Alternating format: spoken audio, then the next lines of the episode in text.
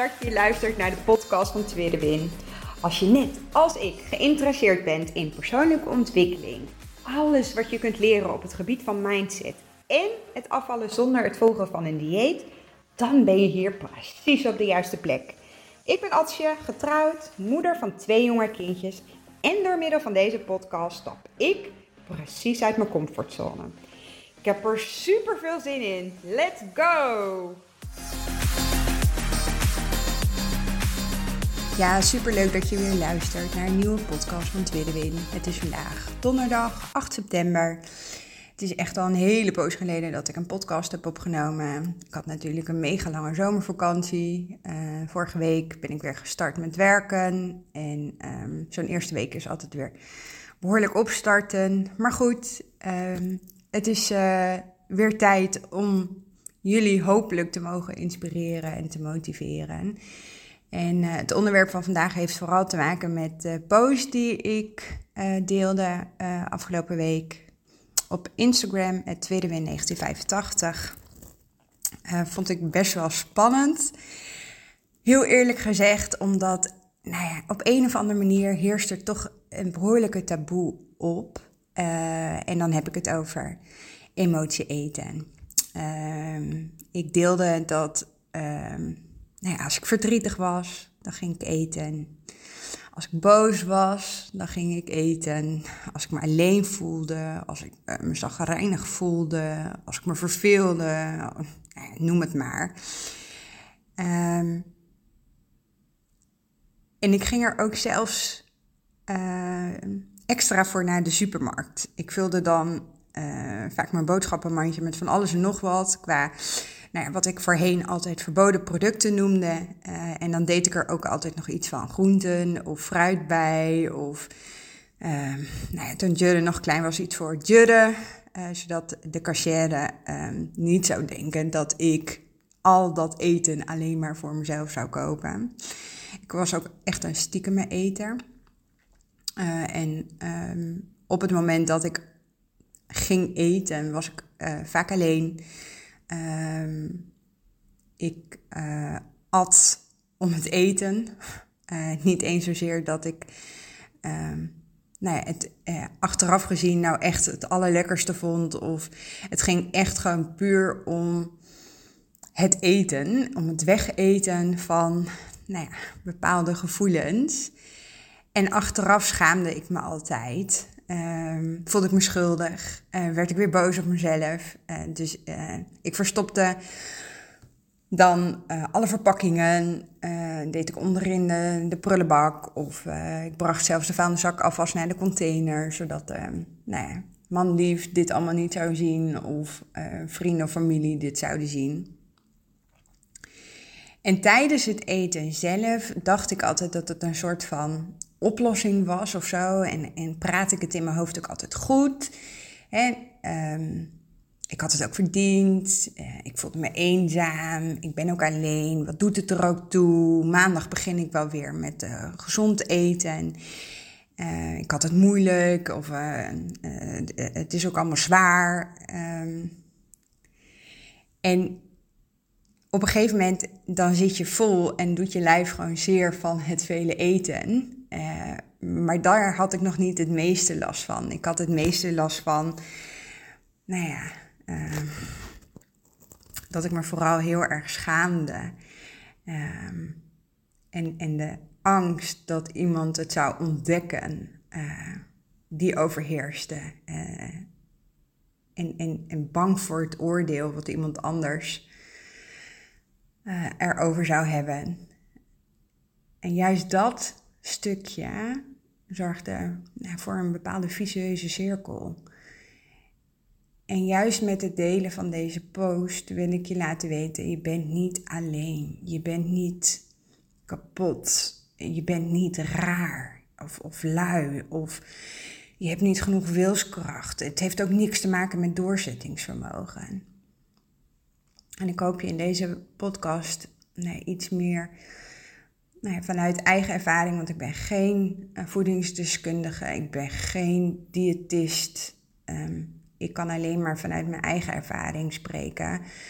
Um, dat ik deze vicieuze cirkel heb weten te doorbreken. En, en nog steeds zijn er wel momenten dat het ineens toch mij overkomt. En hoe ik er dan mee omga of hoe ik er dan tegenaan kijk. En, en nou ja, wat mij heel erg geholpen heeft in het doorbreken.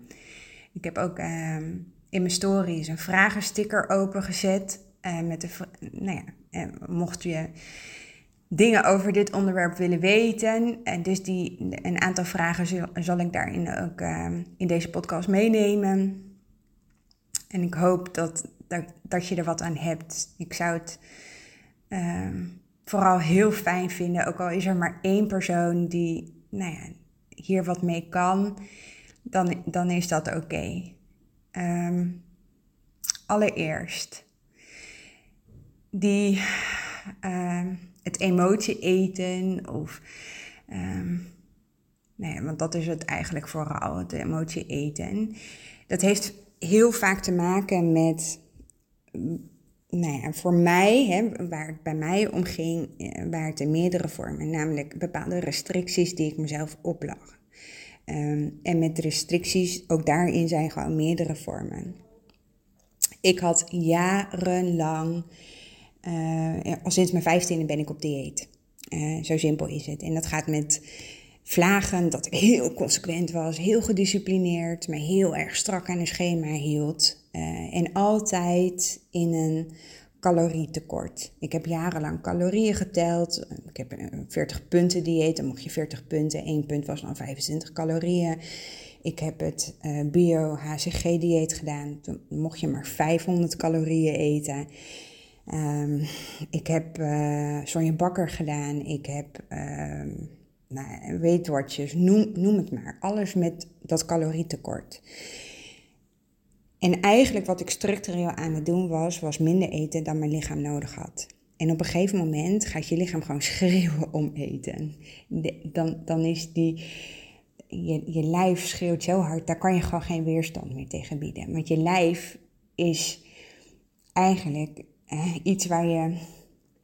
Nou, is gewoon een heel bijzonder mechanisme. Die weet precies wat het nodig heeft.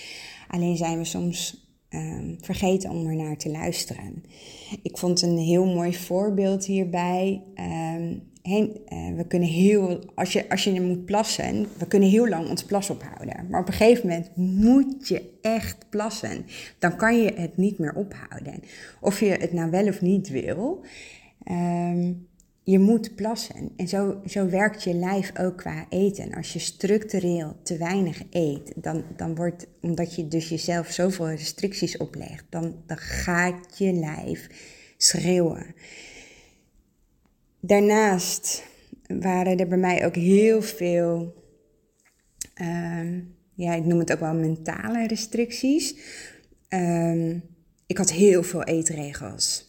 En uh, ik was nou, behoorlijk bezig met al die diëten. En dus ik, ik zat helemaal vast in een bepaalde dieetcultuur. En dat is ook helemaal niet raar, want doe maar zo'n krant open en, of social media of uh, nou ja, uh, ik hoor zelfs op het uh, plein ouders dingen daarover zeggen. Um, ik had bijvoorbeeld heel veel regels dat ik bepaalde dingen niet mocht. Dat waren verboden producten. Of uh, als, als, als ik echt trek had, dan, dan ging ik niet eten. Want het was toch raar, ik had toch net nog gegeten. Hoezo moet ik dan nu weer, hoezo heb ik dan nu weer honger? Of um, uh, eten in um, goed of fout, nou ja, uh, oordelen. En een andere waar ik heel erg, um, eigenlijk pas heel laat achter kwam. Um, en, en wat misschien ook niet zo uh, herkenbaar is of veel voorkomt. Maar ik ben opgegroeid in een gezin um, nou ja, waar, waar geld altijd een probleem was. Uh, en niet zozeer dat er te weinig geld binnenkwam, maar meer dat het opging aan alcohol, uh, tabak, uh, aan de verkeerde dingen. Um, en er zijn periodes geweest dat wij structureel gewoon te weinig eten in huis hadden. En op het moment dat we dus wel eten in huis hadden, dan was het een soort van ja, um, overlevingsmechanisme of zo. Dat ik dus dan uh, alles kon eten wat, nou ja, wat ik wilde. Uh, omdat daarin heel veel periodes het niet was. Um, en uh, bij ons thuis was het nou, echt nijpend, laat ik het maar gewoon zo zeggen. En dat er, dat er, ik kan het mezelf niet herinneren, maar wel uit de verhalen van familie dat er gewoon soms alleen maar boter in huis was. En dat was dan wat we aten. Of ik kan me ook nog een situatie herinneren dat er helemaal geen brood uh, was er niet meer. Uh, er was geen fruit was sowieso bij ons heel bijzonder. Um, maar dat ik van mijn moeder um, maar chips meekreeg naar school. Um, en en uh, ik had geen ontbijt. We hadden verder geen lunch, maar er was wel chips. Ik, ik denk dat we dat gekregen hadden of zo van opa en oma. Ik weet, ik weet het niet meer. En dat ik tijdens de rekenles zo'n ontzettende honger had. En dat ik dus stiekem mijn chips aan het eten was, die in mijn laadje zat. Um, en ik werd betrapt. En, en dat moment, um, dat heeft er ook weer voor gezorgd dat ik dus nou ja, in een bepaalde visuele cirkel zit. Oké, je mag dus geen chips eten. Het was helemaal niet de bedoeling. Ik mocht gewoon niet eten op dat moment. Maar dat is wel de koppeling. Oké, dus ik moet, als ik de chips eet, dan moet dat dus stiekem. En het is heel gek, want ik was me daar dus nooit bewust van. Dat is allemaal opgeslagen in mijn onbewuste. Totdat ik. Um, en dit is ook niks ten nadele naar familie toe, absoluut niet. Maar dat ik elke keer als ik um, eten op tafel zette, waar nou ja, mijn broertje en mijn zusje, die in hetzelfde gezin zijn opgegroeid als ik, dat dat binnen no time weg was. Dat ik echt dacht: Goh, interessant, hoe kan dit? En daar ben ik, nou ja, voor mezelf um, linkjes gaan leggen en me in gaan verdiepen. Daar kom ik straks nog eventjes op terug. Een andere is wat ik ook heel erg bij mezelf heb herkend, is dat omdat ik dan elke keer tegen mezelf zei: maandag begin ik echt. Maandag ga ik op dieet. En dan mag ik dit niet meer, en dan mag ik dat niet meer, en dan mag ik zus niet meer. En dan ging ik dat allemaal van tevoren nog een keertje eten, want straks mocht ik dat allemaal niet meer. Helemaal niet luisterend naar of mijn lijf uh, honger had of, of, of uh, nou ja, uh, eten nodig had. Maar meer gewoon vanuit dat mentale stuk, oké, dan mag ik het niet meer, nu nog wel, dus nu moet ik het eten.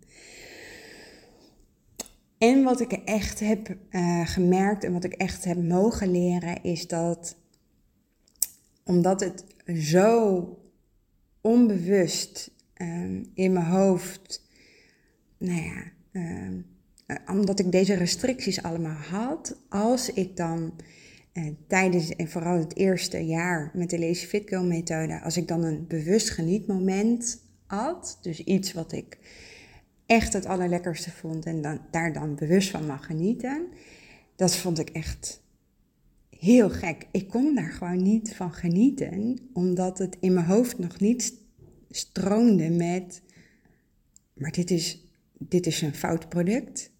Hier, hier word je dik van. Dit mag je niet eten. En dus had ik ook niet dat ik er echt van kon genieten, waardoor ik dus ook bleef overeten, omdat ik toch op zoek was naar dat bewust genieten, wat ik dus nog niet kon.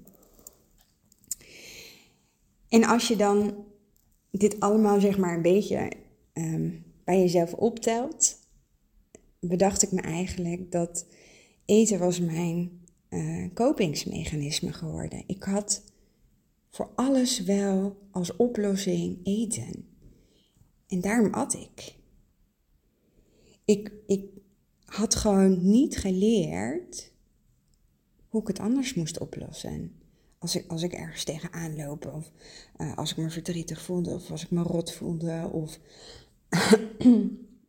en ook dingen die ik dus niet, waar ik niet bewust van werd, door of bewust van was, sorry, door dat juist bewust te maken, ging ik mezelf beter snappen, ging mijn lijf beter snappen. En kon ik ook daar dus gericht mee aan de slag gaan. Kon ik dus nou ja, oude gewoontes afleren en nieuwe gewoontes aanleren. En er heerst zo'n taboe op, nou ja, op, op nou ja, stiekem eten, op um, überhaupt. Uh, ik kreeg ook heel veel terug dat als, er, als je een, uh, wat dikker bent en je gaat naar de snackbar, dat je in je hoofd al bepaalde verhalen uh, hebt over wat zal die ander wel niet denken. Oh, zie je wel. Dat is de reden dat, dat je ook dik bent. Um, hetzelfde als mijn voorbeeld met de cashier. Ik vond dat echt verschrikkelijk om het af te rekenen. Toen waren er nog geen zelfscans. Um, of tenminste, die gebruikte ik niet in ons dorp. Um, we lopen hier ook een beetje achter. maar juist door je eigen oordeel over een eetbui of over het eten van een bepaald product of überhaupt hoe jij denkt over eten, daar zit, daar zat voor mij echt de kern van het probleem. Eten aan zich was het probleem niet, maar hoe ik over eten dacht, hoe ik over mezelf dacht, hoe ik, nou ja, in mijn hoofd bepaalde restricties had eigen gemaakt en, en de eetregels die ik had. En ook continu structureel eigenlijk mijn lijf chronisch tekort doen, waardoor het ook echt bleef schreeuwen om eten. Wat ik een, uh, een, een hele, wat mij in dit proces heel erg geholpen heeft, is um, uh, sowieso de Leesfitco methode. Dat was echt nou ja, het fundament waarin ik stapje voor stapje dingen ben gaan aanpakken.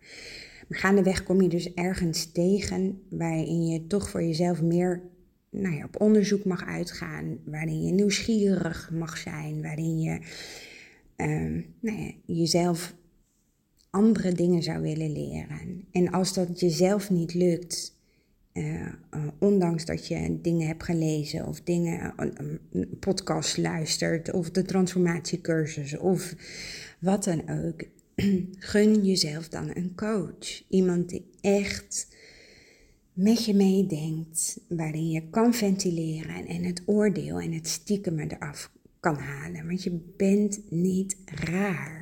Mensen die niet dit herkennen, omdat ze niet nou ja, eh, de emoties hebben gekoppeld aan eten, dat zijn dan niet de mensen waarmee je dit soort dingen kunt bespreken.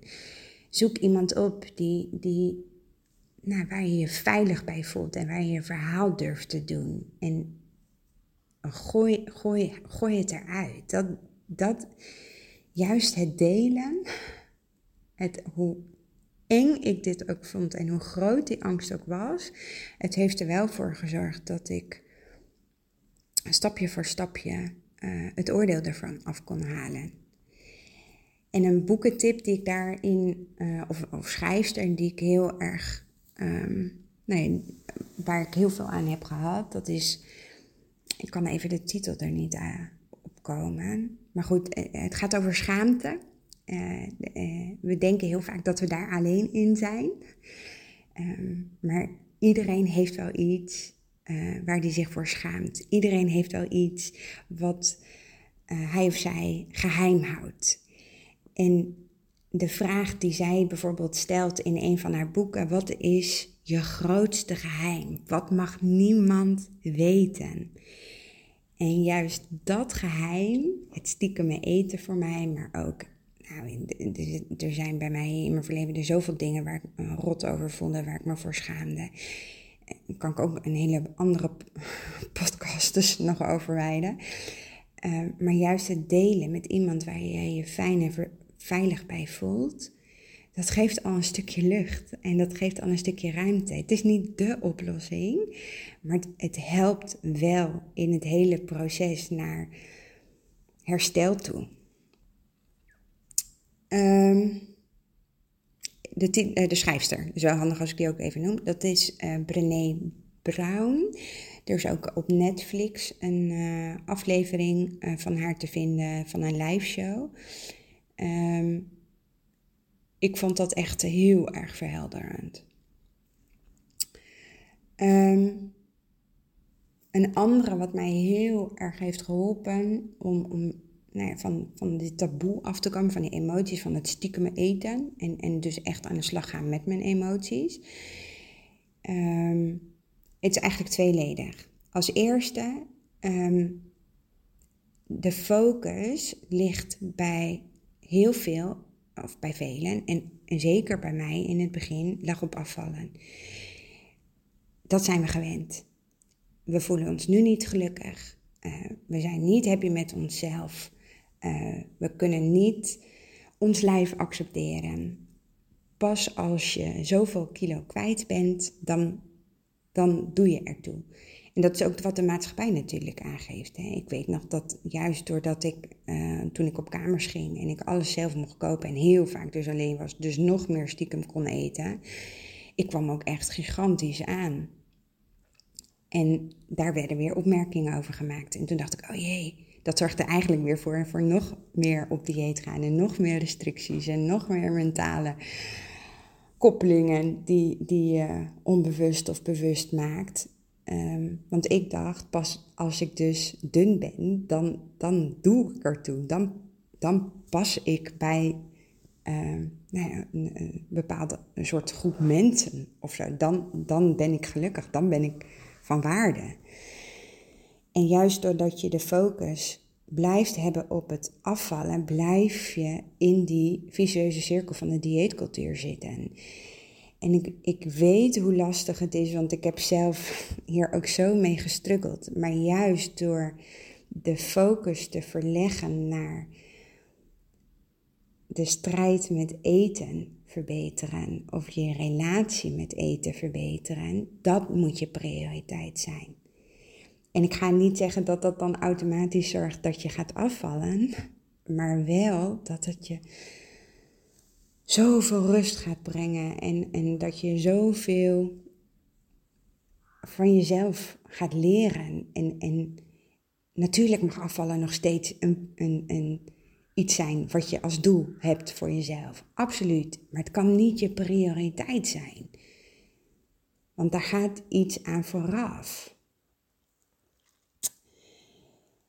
Um, wat mij heel erg geholpen heeft in dit hele proces is delen. Heel veel van me afschrijven. Ik heb heel veel uh, gedeeld op mijn Instagram-account. Doe ik nog steeds. Helpt mij enorm.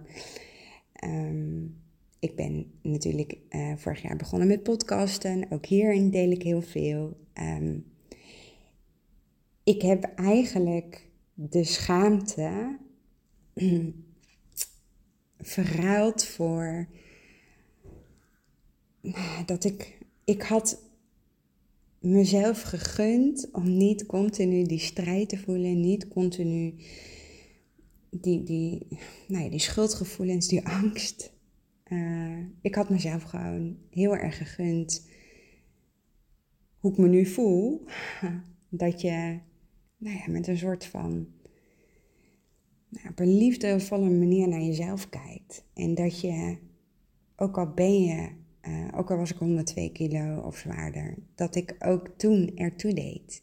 En, en net zoals nu, nu ik 40 kilo lichter weeg, dat ik mezelf dingen had gegund die ik mezelf nu ook gun. En dat komt niet omdat ik 40 kilo lichter ben. Dat komt omdat ik heel hard gewerkt heb aan het mentale stuk. En dat gun ik je ook. Zoek een manier voor jezelf waardoor je een positieve relatie met eten gaat krijgen. Zoek een manier voor jezelf om om te gaan met uh, ja, je, je manieren om met eten dingen op te lossen. Schrijf je gevoelens op in een dagboek. Bel iemand die je vertrouwt of, of uh, ga met iemand in gesprek. Um, wat ik ook nooit deed en wat ik tegenwoordig ben ik, eh, ik, ik had door alles wat Ja, het wordt geen emotionele podcast dit hoor, maar ik kan nu echt huilen om het minste en geringste. En dat kon ik nooit. Ik was altijd zo'n bikkel. Ik had zo'n muur om mezelf heen gebouwd. En als er nu uh, iemand tegenover me zit en die is intens verdrietig, dan, dan kan ik ook spontaan gewoon de tranen in mijn ogen krijgen. Omdat ik gewoon nu voel, kan voelen. En waarom zou ik me daarvoor schamen? Sta jezelf eens toe om te huilen. En in plaats van je gevoelens weg te stoppen, waardoor ze eigenlijk alleen maar versterkt worden, want ze moeten ergens eruit, ehm, kan het echt enorm opluchten als je ze gewoon er laat zijn. En dat mag je oefenen. Dat kon ik in het begin ook niet.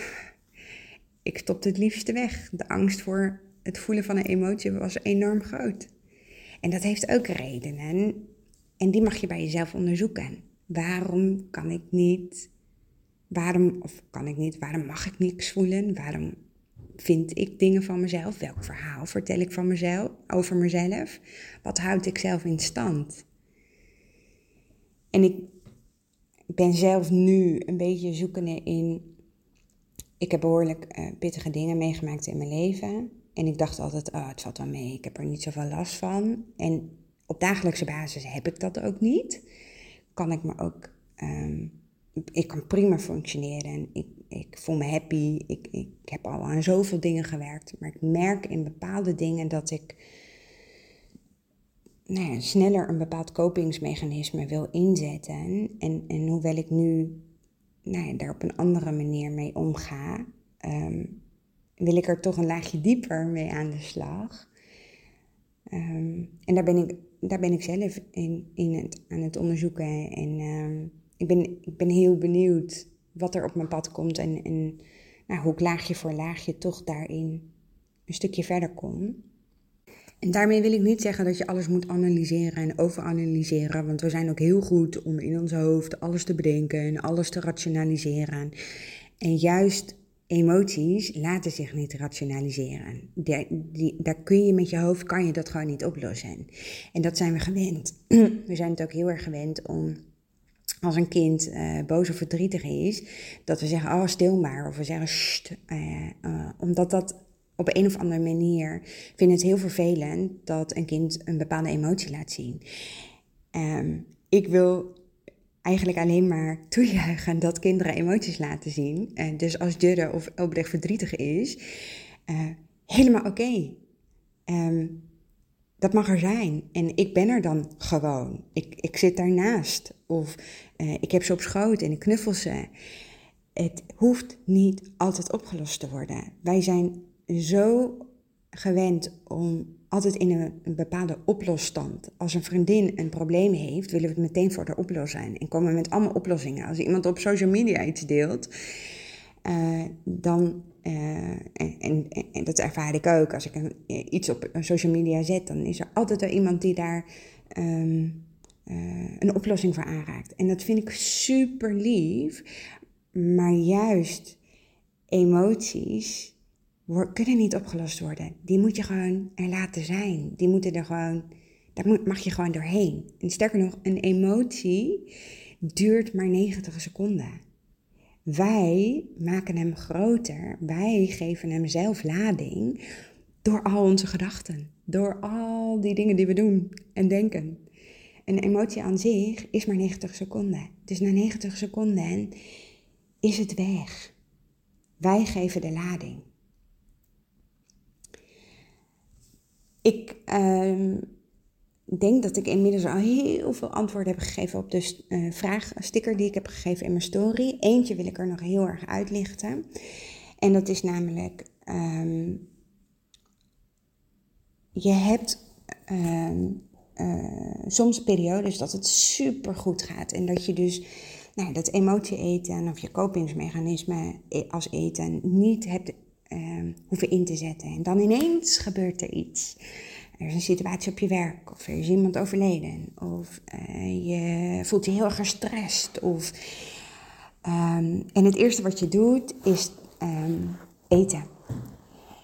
en daarna komen die gevoelens weer van schuld en schaamte. En uh, ik heb het weer verkeerd gedaan. En hoezo kan ik het nou nog steeds niet? Hoezo heb ik nog steeds dit? Waarom moet ik nog steeds eten als oplossing?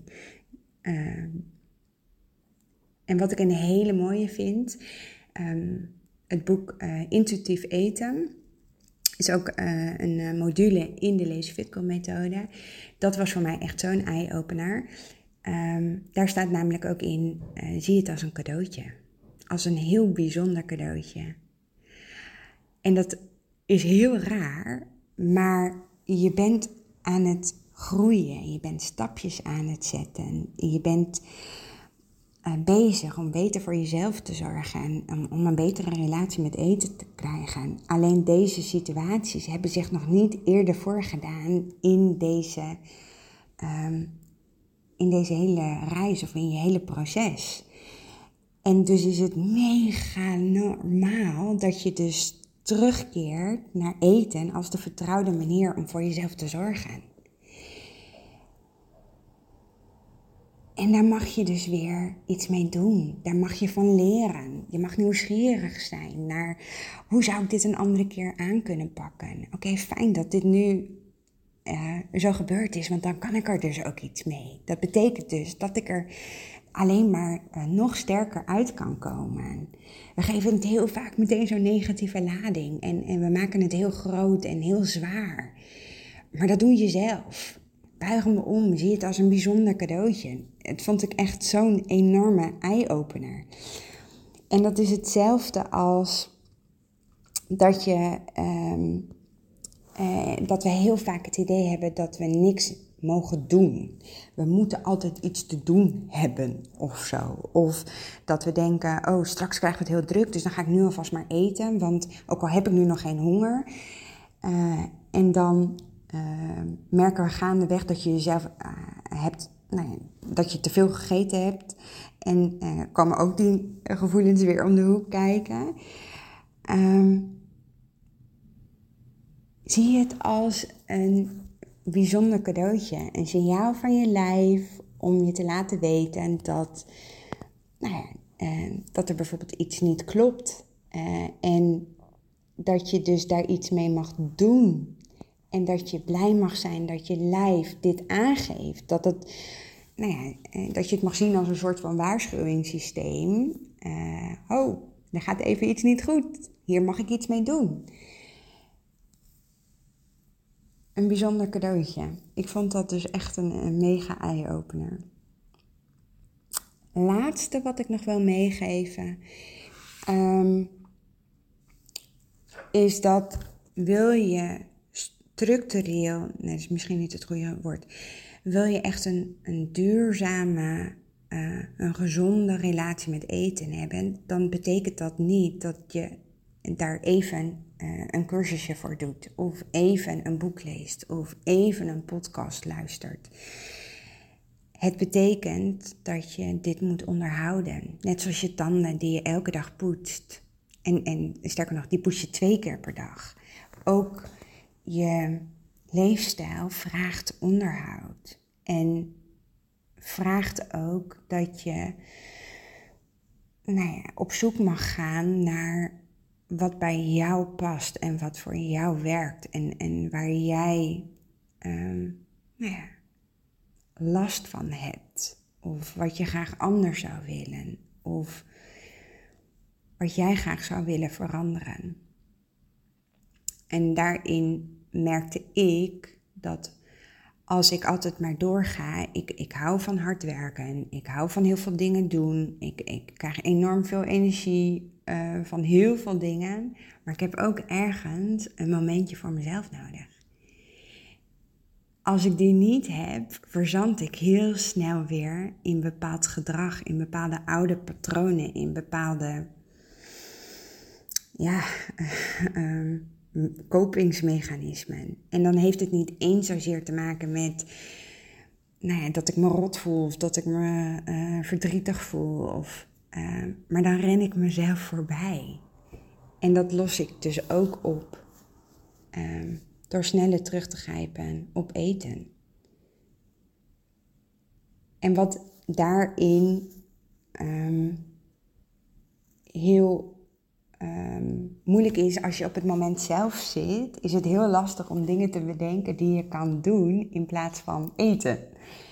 Uh, dus maak bijvoorbeeld voor jezelf een lijstje met dingen die je zou kunnen doen, zodat je, waar je wel blij van wordt, waarin je wel tot rust komt en uh, dingen uh, weer in perspectief kunt zetten. Zoals bijvoorbeeld, uh, ik hou ontzettend van wandelen. Ik, ik, uh, als ik me nu bijvoorbeeld rot voel, verdrietig voel, ga ik wandelen. Compleet iets anders doen dan in de situatie zitten, in, in een bepaalde modus of cirkel terechtkomen, wandelen. Of um, wat ik ook heel vaak doe, en dat klinkt misschien heel gek, maar ze opruimen. Mijn kast helemaal leeghalen, alles weer opnieuw, netjes vouwen. Word ik gewoon heel zen van. Oké, wat ik met deze podcast heb hopen duidelijk te maken is dat je dus voor jezelf mag onderzoeken en nieuwsgierig mag zijn. Waarom eet ik? Eet ik echt omdat ik trek heb?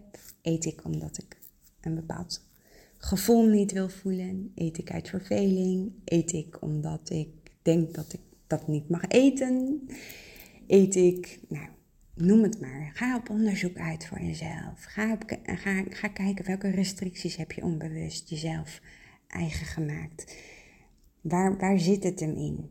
Um, en vergeet niet, zie het als iets positiefs op het moment dat je um, verzandt in een eetbui. Of dat je bent gaan eten uit verveling. Of dat je bent gaan eten omdat je dit eigenlijk niet mocht eten van jezelf. Geef het een andere lading en, en zie het als één grote ontdekkingsreis. En lukt het je niet alleen, er is helemaal niks raars aan. Er is helemaal niks geks aan. Je bent niet kapot. Je bent, je bent niet iemand die geen wilskracht of doorzettingsvermogen heeft. Ik ben ik. Jij bent jij. En je mag vooral bij jezelf blijven. Kijken naar wat jij nodig hebt. Maar jij weet precies wat bij jou past en wat je nodig hebt. Als je jezelf daar de tijd en rust en ruimte voor geeft, maar ook gunt. Ik hoop dat je iets aan deze podcast hebt gehad. Mocht je nog iets willen weten of iets uh, uh, willen vragen of uh, gewoon überhaupt een berichtje willen sturen, laat het me vooral weten.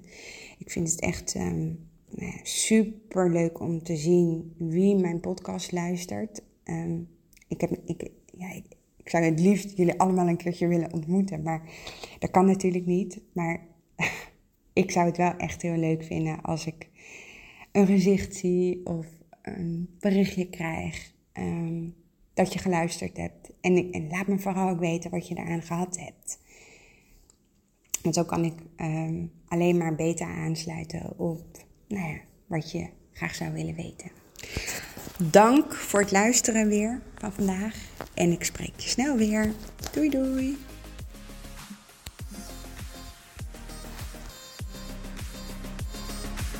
Super, super leuk dat je geluisterd hebt naar deze podcast. Mocht je hem nou interessant gevonden hebben, heb ik je mogen inspireren, laat het mij dan vooral weten. Tag mij op Instagram, stuur me een DM, want ik vind het gewoon super leuk om te zien wie er luistert. Mega, mega dankjewel voor vandaag en tot de volgende keer.